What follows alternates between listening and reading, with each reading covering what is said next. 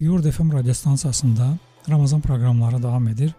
Ramazanda faydalı mövzuları müzakirə edirik və İslam dini ilə bağlı, Quranla bağlı bizə faydalı olacaq məsələləri müzakirə edərək dinləyicilərimizin qarşısında bir çox sualları cavablandırırıq. Mikrofon qarşısında mən Əmir Rüstəm Əliyev. Bu gün studiyamızın qonağı Azərbaycan İlahiyyat İnstitutunun müəllimi, fəlsəfə üzrə fəlsəfə doktoru, ilahiyyatçı Kövsər Tağıyevdir. Kövsər müəllim xoş gəlmisiniz. Xoş gördük. Təşəkkür edirəm. Kövsər müəllim, biz mən bu gün istərdim ki, İslam və elmdən danışaq. Yəni elm və İslam bunlar yəni Quran tutaq ki, Quran elm kitabdırmı? Belə məsələləri müzakirə edək və İslam dinində elmin ə, rolu nə qədərdir və elm İslam dinini nərələrə gətirib çıxartdı? Bu gün müsəlman coğrafiyasında ə, yaşayan insanlar nəyə görə digər coğrafiyadakı insanlardan, digər dini etiqadı davam edən insanlardan geri qalırlar. Mən məsələlər mənə belə gəlir ki, çoxlarını düşündürür. Çox insanlar düşünürlər ki, nəyə görə İslam dünyasında tutaq ki, elm aşağıdır. Bu elmin ə, zəif olması, geridə qalması İslam dini ilə əlaqədədir, yoxsa İslam dini ilə heç bir əlaqəsi yoxdur və bunun insanlarda axtarmaq lazımdır. İnsanlar bu gün düşünən insanlar çoxlu suallar verirlər və ona görə də mən istərdim ki, birinci növbədə araşdıraq ki, Quranı elm kitabı kimi qəbul etmək olarmı? Mövzu aktual mövzudur. İçərisində ə, sadəcə belə deyək, ilahiyyatçıların deyil, bəlkə də digər elm sahələrinin də, sosioloqların da, tarixçilərin də bu barədə fikirlərinə ehtiyac var təbii ki. Ümumiyyətlə elm tarixinə baxdığımız zaman Hüseyn bəy, ə, biz nəyi görürük? Elmlər müxtəlif coğrafiyalarda yüksəlir, sonra tənəzzülə uğrayır, sonra başqa coğrafiyalara yönəlir, bir yerdə yüksəlir, bir yerdə enir. Məsələn, bugünkü müasir elmin keçdiyi yola baxanda görürük ki, qədim Mesopotamiya, Misir, ardından Yunan, İslam sivilizasiyası, sonra Avropa sivilizasiyası bu şəkildə elmlər bir yerdə yüksəlir, bir yerdə enir. Dolayısıyla elm heç bir coğrafiyanın, heç bir xalqın, heç bir qitənin monopoliyasında deyil. Yəni bu inkişaf edən bir şeydir. Hər kəs elmə müxtəlif dövrlərdə müxtəlif qatqılar veriblər, müxtəlif töhfələr veriblər və elm bu sayədə inkişaf edib. E biz onun təfərrüatlarına girərik indi. Sualınız bu idi ki, Quran-Kərim elm kitabıdırmı? Əlbəttə ki, Quran-Kərim bir bizim bildiyimiz mənada bir elm kitabı deyil. E, Quran-Kərim birinci növbədə Allahın dinini, daha dəqiq desək, tövhidi, eyni zamanda mərifətullahı, mərifətullah nədir? Allahı bilmək, Allaha yönəlmək.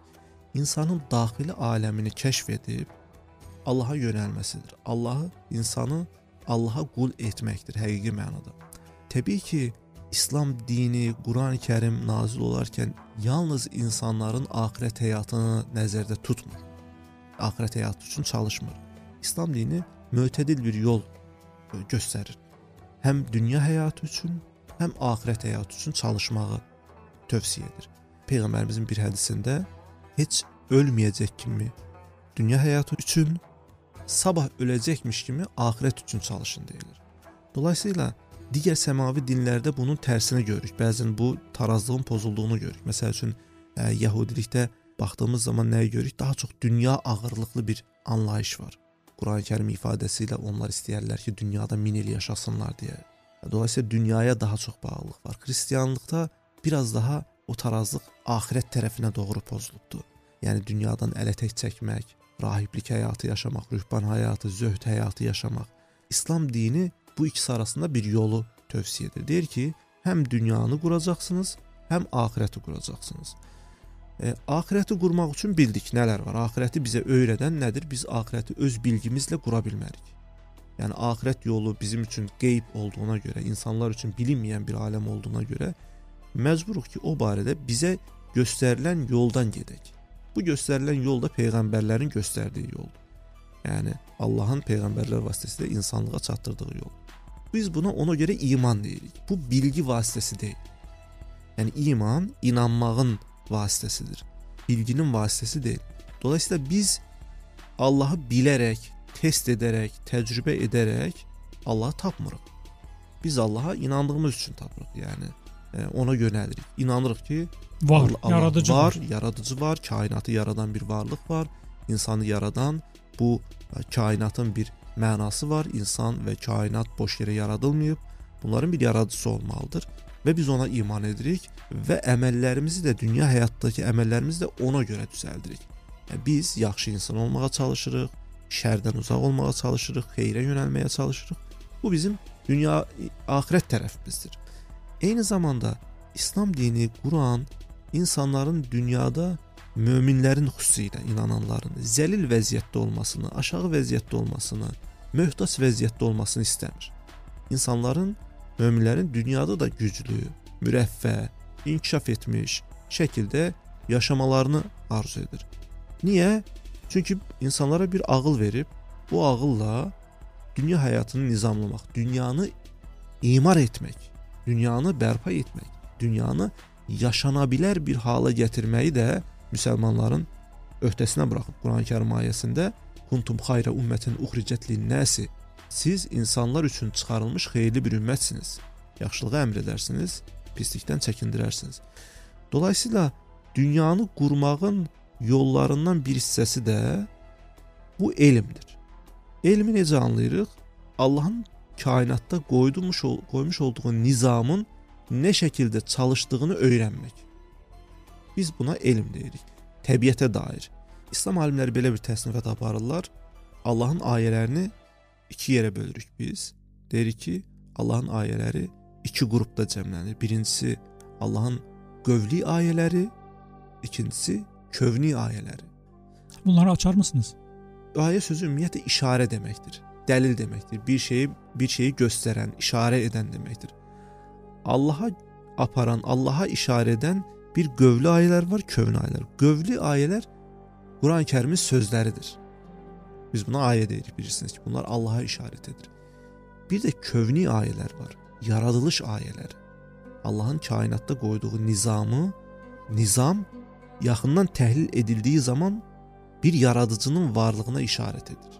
Yəni bu kainat boşuna yaradıla bilməz, bu qədər hadisə təsadüf ola bilməz. Dolayısıyla İslam dini, İslam düşüncəsi tövsiyə edir ki, kövni ayələrlə qövlü ayələri paralel şəkildə anlayıb Allaha o şəkildə yönəlmək lazımdır.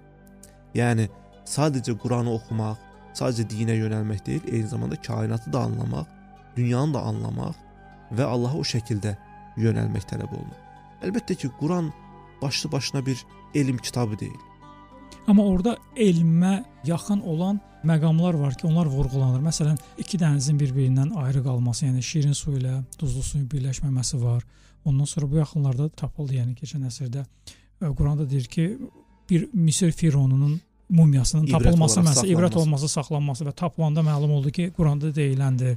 Ondan sonra bir çox məsələlər var ki, sonra hansıları biz qeyd edə bilərik? Yəqin siz də Bəli, burada bunları qeyd edə bilərsiniz. Ə, kainatın genişlənməsindən Bəli, kainat məsələn genişlənməsi, hə, bu var məsələn. Bitkilərin ə, bitkilərin ə, tozlanmasından bəhs edərik. Küləklərin ə, daşıyıcı funksiya icra elədiyindən bilərik. Ona görə də bəzi insanlar bunları görürlər, deyirlər ki, Quran elm kitabıdır. İşte bəzi insanlar belə bir nəticə çıxarda bilərlər. Buna görə də elmin harda olması və Quranın hansı dəyər daşımasını biz dəqiq bilsək, onda bizim üçün çox şeylər aydın olar ki, yəni biz elmi harda axtarmalıyıq, e, Qurana hansı münasibət göstərməliyik. Bəli, həqiqətən e, önəmli bir nöqtədir. Bunu bunu ayıra bilmək çox vacibdir. İslam aləmində belə bir fikir ortaya atılıb ki, zamanında bu ciddi müzakirələrə səbəb olub. E, Quranda hər şey varmı? Bəziləri deyiblər ki, Quranda hər şey var. Quran-Kərim ayəsi ilə məsələn bir ayədə deyilir ki, bu necə bu necə kitabdır ki, yaş quru heç bir şeyi əksik buraxmır. Hər şey onda var. Və ya başqa bir ayədə "Və mə fərratna fi hadal kitab min şey." Biz bu kitabda heç bir şeyi əksik buraxmadıq.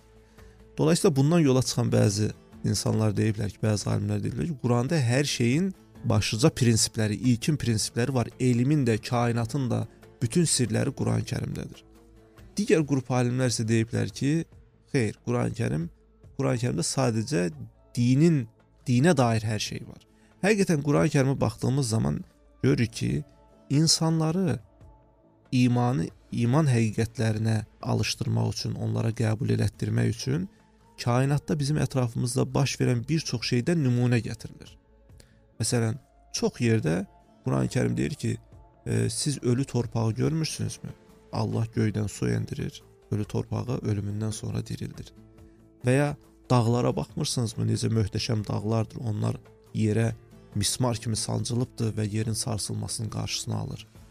Və ya e, Məracəl Bəhreyni yəltəqiyən biz dənizləri bir-birinə buraxdıq, qovuşdurduq, onlar bir-birinə qarışmırlar. Və ya səmanı biz yaratdıq və onu biz genişləndiririk. Bunların bir çoxu müasir dövrdə elmin gəldiyi nəticələrlə ortaya çıxmış və ağılları heyrətə salan, həqiqətən ağılları heyrətə salan ə, e, möhtəşəm yaradılış möcüzələridir. Və Quran-Kərimin bunlara diqqət çəkmiş olması fövqəladə bir məsələdir. Əlbəttə ki, Quranın xəbər verdikləri ilə kainatda olanlar bir-birinə zidd düşə bilməz. Çünki biz ə, alimlər bu şəkildə qəbul edir ki, hər ikisi eyni həqiqət sisteminin müxtəlif parçalarıdır. Yəni elm də bir mövcud bir kainatdakı mövcud həqiqət sisteminin bir hissəsidir, bir görünən tərəfidir. Din də onun başqa bir tərəfidir, görünən başqa bir tərəf. Dolayısıyla dinin dedikləri ilə gerçəkdə həqiqətdə elmin dedikləri arasında bir təzad ola bilməz. Eyni həqiqətləri vurğulayırlar. Əgər bir təzad varsa, bir yanlışlıq varsa, biz ya elmdə doğru nəticələrə gedib çıxmamışıq, ya da dini mətnləri anlamağımızda bir problem var. Əks təqdirdə bir ziddiyyət ola bilməz. Təbii ki, Quran-Kərimin bu xüsusiyyətlərindən ortaya çıxaraq Quran-Kərimi bir elm kitabı, bütün elmlərin mənbəyi ordadır, ora yönəlmək lazımdır. Biz texnologiyada, elmdə inkişaf eləmək üçün Quran-Kərimə yönəlməliyik. Bu fikirlər e, doğru fikirlər deyil. Yəni elmi öyrənməyin yeri Quran deyil. Məşhur ə, e, alimlərdən böyük mütəfəkkir Əbu Həmid Əl-Qəzzali tamaşaçılarımızın da bir çoxu, yəni ki, Qəzzali adını adı ilə tanışdılar. İslam düşüncə tarixini ə, e, Qəzzalidən əvvəl və Qəzzalidən sonra deyə bölənlər var. Yəni o qədər böyük bir ə, e, alimdir. Qəzzali Cəvahirul Quran adlı əsərində Allahın kainatda yaradıq, yaratdıqları ilə Quranda yaratdıqları arasında paralellikdən bəhs edir. Deyir ki, Allah Quran-Kərimdə öz zatından, sifətlərindən və feillərindən bəhs edir. Kainat da eyni zamanda Allahın zatı, sifətləri və feillərindən ibarətdir. Dolayısıyla biz kainata dair bir şeyi, Allahın kainatdakı bir feilini öyrəndiyimiz zaman onun Qurandakı o feilini də aydın şəkildə başa düşə bilərik. Bu Nə mənaya gəlir? Açıqlayaq bunu. Deyir ki, məsələn, ulduzların hərəkəti, Qurani-Kərimdə ulduzların hərəkəti ilə bağlı, ulduzların yön bildirməsi ilə bağlı, onların Allahın qoyduğu nizamla dönməsi ilə bağlı bir çox ayə var.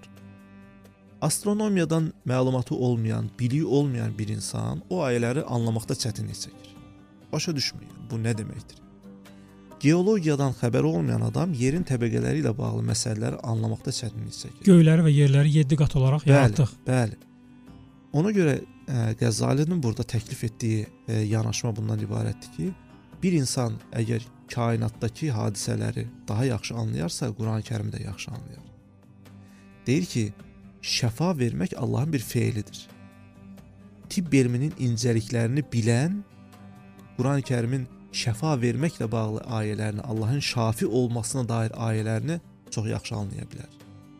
Astronomiyanı, ulduzların hərəkəti ilə bağlı ə, e, elmləri bilən insan Quran-Kərimdəki həmin mövzudakı ayələri daha yaxşı anlaya bilər. Dolayısıyla bunlar bir-birinə zidd deyil, bir-birini dəstəkləyir. Yalnız dediyim kimi o sərhədləri, o anlayışı bilərək hər ikisinə öz haqqını verərək yanaşdığımız təqdirdə.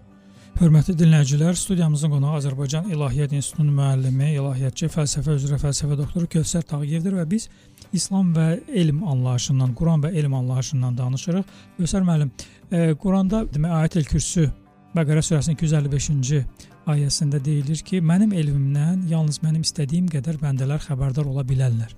Mən istərdim ki, bunu açıqlayaq biz. Bəli, dediyimiz kimi Allah kainatda bir nizam qoyubdur və o, o nizamın açılmasını, öyrənilməsini istəyir. Və insanların qarşısında da ə, duran vəzifələrdən biri budur. Yəni kainatı öyrənsinlər, Allahın kainatda yaratdıqlarını bilsinlər ki, Allaha daha yaxşı ə, qul ola bilsinlər.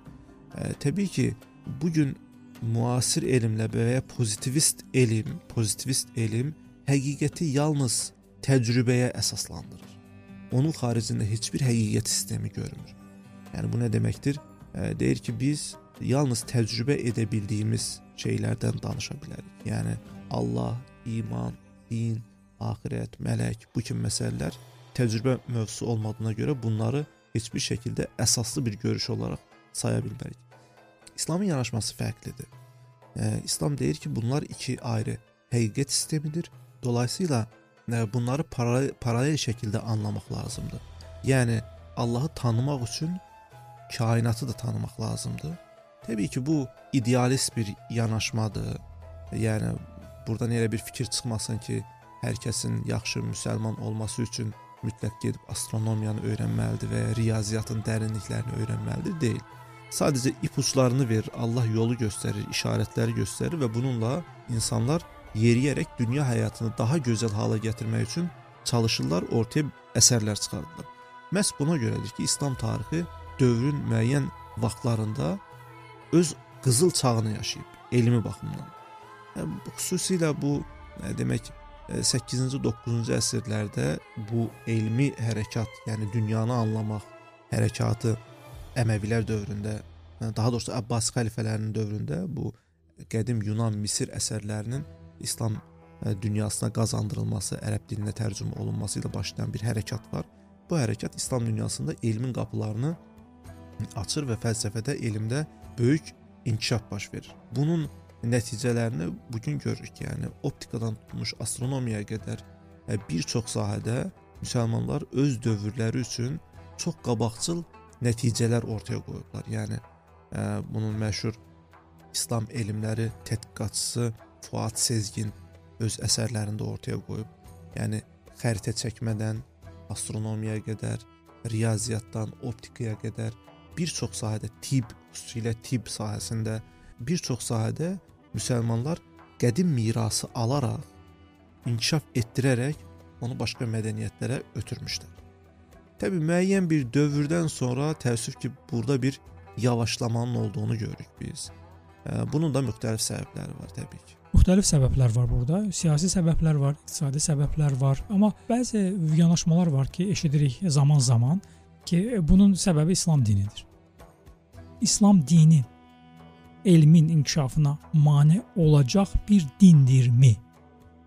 Təəssüf ki, bu fikirlər necə yaranır, açığı onu da bilmirik. Bəlkə dediyimiz kimi yanaşma fərqidir. Yəni bütün insanları sırf axirətə yönəldən e, bir anlayışın məhsuludur və sonra da bu anlayış şikayətlənir ki, biz dünyada geri qalırıq. Yəni siz əgər inkişaf etməsəniz, dünyanı öyrənməsəniz, sadəcə dini biliklərlə dünyada uğur qazanmaq belə deyək, ə, maddi və texniki anlamda uğur qazanmaq mümkün deyil. Yəni siz bu gün kodlaşdırmanı biləcəksiniz. Siz bu gün müasir texnologiyanı biləcəksiniz. Bu təqdirdə ki, siz güclü, inkişaf etmiş bir xalq halına gələ bilərsiniz. Əks təqdirdə yenə də başqaları sizin başınızın üstə duracaq. Yenə də biz istehlak cəmiyyəti olaraq qalacağıq. Yəni Amerikanın, Avropanın, Çinin istehsal etdiyi məhsulları istehlak etməklə, tükətməklə məşğuluq, yəni. Niyə belədir? Çünki özümüz zamanında bir qopuqluq yarandı, özümüzü o istiqamətlərə yönəldə bilmədik. E, dediyiniz o e, yanaşmalar ki var, bəlkə bunların da onda təsiri var. Yəni e, zamanında buna qarşı çıxanlar oldu. Xüsusilə 20-ci əsrin başlarında, 19-cu əsrin sonlarında İslam dünyasında e, bu elmi baxımdan pozitivizm dinləri təhdid etməyə başladığı bir dövrdə, o dövr belə bir dövrdür, yəni Hər şey təcrübəyə əsaslanır, elmlər tamamilə boş və mənasız, dinlər boş və mənasızdır. Bu sadəcə İslam'a yönəlik bir təhdid deyildi, digər dinlərə yönəlik də bir təhdid idi. Bu dövrdə müsəlmanlar bir müdafiə mövqeyinə keçdilər. O dövrdə iki bu müdafiə iki formada həyata keçirildi. Bir tərəf dedi ki, biz müasir elmlə Qurani-Kərimi uzlaşdıraq, dini uzlaşdıraq, burada bir problem olmadığını göstərək. Bu müsbət nəticələr verdi. Bir qrup isə marjinal bir qrup isə İslam dünyasının bir çox yerində ortaya çıxmış. Bunları bidət, xurafat, kafir icadı, yəni dinlə uyğunlaşmayan şeylər olaraq rədd etməyə başladılar. Televizoru rədd etdilər, mətbəəni rədd etdilər, ə, radionu rədd etdilər. Bu kimi xoşa gəlməz ə, addımlar atıldı, fikirlər irəli sürüldü. Təbii ki, bu tutmadı. Yəni bu ikinci dediyim marjinal görüş heç bir zaman həyatın gerçəkləri qarşısında dayana bilmədi. Nəticə etibarilə bu texnologiya, yenilik İslam dünyasına da girdi və başlanğıc periodda belə bir şey var idi. Yəni Quran ayələri ilə, e, İslam mənbələri ilə e, mütləq şəkildə elmi uyğunlaşdırmaq, elmin legitimliyinə sanki dindən referans tapmağa çalışmaq, dünyəvi olan bir məsələni sanki dini bir məsələ imiş kimi təməlləndirməyə çalışmaq. Bu e, cəhdlər, bu ə, e, yanaşmalar ə, e, təbii ki, müsəlman aydınların bir müddət vaxtını çox aldı. Sonradan yavaş-yavaş anlamağa başladılar ki, ə, bu dünyəvi məsələlərdir. Bunları anlamaq üçün ə, yəni enerjimizi yönəldib dindən referans tapmağa, ə, dindən dəlil tapmağa ehtiyac yoxdur. Yəni dünyada əgər yaşayırıqsa biz, dünyanın gerçəkləri ilə üz-üzəyiksə, biz dinimizi, mənəvi dəyərlərimizi, etiqadımızı qorumaqla eyni zamanda dünyanı, müasir gedişatı anlamalı və burada da öncü olmalıyıq. Yəni texnologiyada da, hərbdə də, iqtisadiyyatda da, istehsalda da öncü olmalıyıq. Bunu anladılar. Təbii ki, zaman biraz bəlkə biraz gec anlaşıldı. Qatar artıq ə, yola düşəndən sonra biz onu anlamağa başladıq. Bəlkə o baxımdan biraz ə, geriyə düşdü. Təbii ki, bunun bəzi tarixi aspektləri də var, bilirsiniz. 18-ci, 17-ci əsr, 18-ci əsr, 19-cu əsr İslam dünyasının ə, böyük bir hissəsində ə, müstəmləkə hərəkatları oldu və müstəmləkəçi ilə qarşı mübarizə hərəkatları oldu.